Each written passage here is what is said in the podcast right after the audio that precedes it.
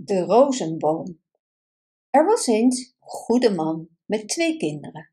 Een meisje van zijn eerste vrouw en een jongetje van zijn tweede vrouw.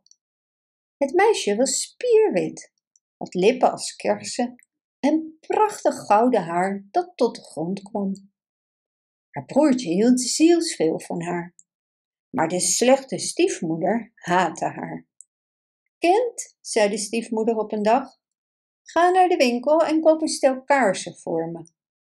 Ze gaf haar het geld en het meisje ging op pad om kaarsen te kopen. Op de terugweg was er een steile heuvel en ze legde de kaarsen even neer om er overheen te komen.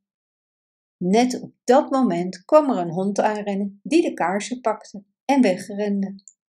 Ze keerde daarom terug naar de winkel en haalde een tweede set kaarsen.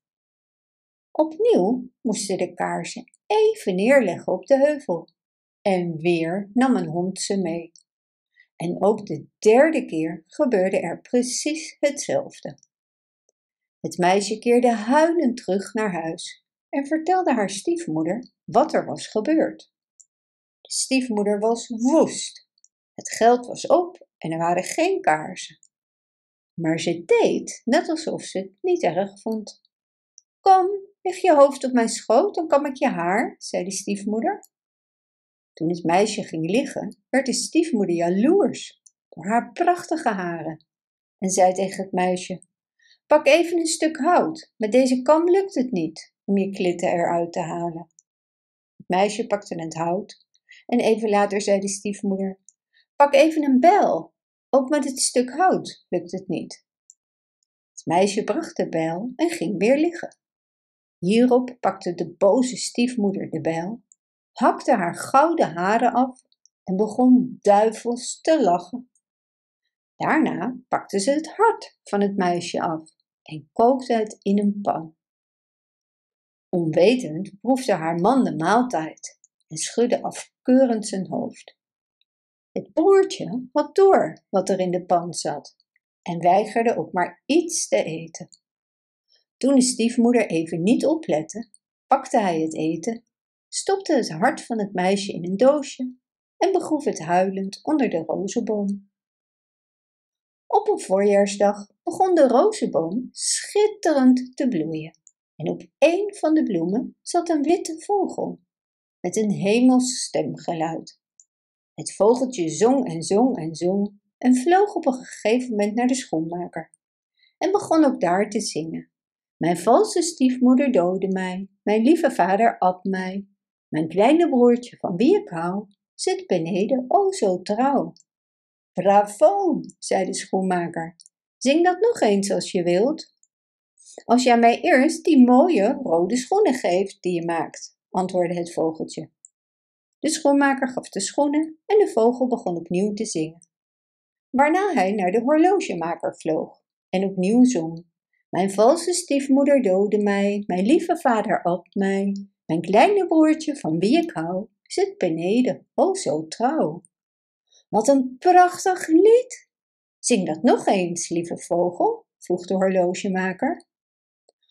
Als je mij dat prachtige gouden horloge geeft, dan zal ik dat doen, zei de vogel.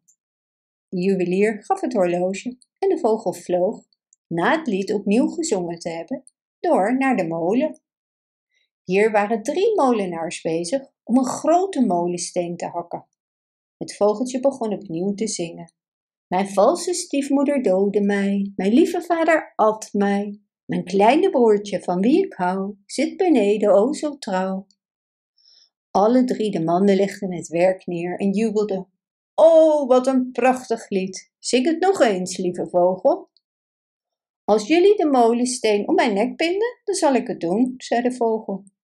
De mannen deden dit. En na het lied opnieuw gezongen te hebben, vloog de vogel met de rode schoentjes, het horloge, de ketting en de molensteen naar huis. Het vogeltje rammelde met de molensteen tegen het huis en de stiefmoeder zei: Het dondert. Toen rende de kleine jongen naar buiten om het onweer te zien. En de vogel wierp de rode schoenen voor zijn voeten. Daarna rammelde het vogeltje opnieuw met de molensteen tegen het huis. Hierop rende de vader naar buiten en het gouden horloge viel zo om zijn pols. Vader en zoon renden lachend naar binnen en zeiden: Kijk eens wat de donder ons gebracht heeft. Toen rammelde de vogel voor een derde keer tegen het huis. En de stiefmoeder zei: Het onweert weer. Misschien is er ook iets voor mij. En ze rende naar buiten. Op het moment dat ze de deur uitstapte, liet de vogel de molensteen vallen en werd de stiefmoeder geplet. Bedankt voor het luisteren. Wist je dat je dit verhaal ook op onze website ririro.com/nl kunt lezen, downloaden en printen?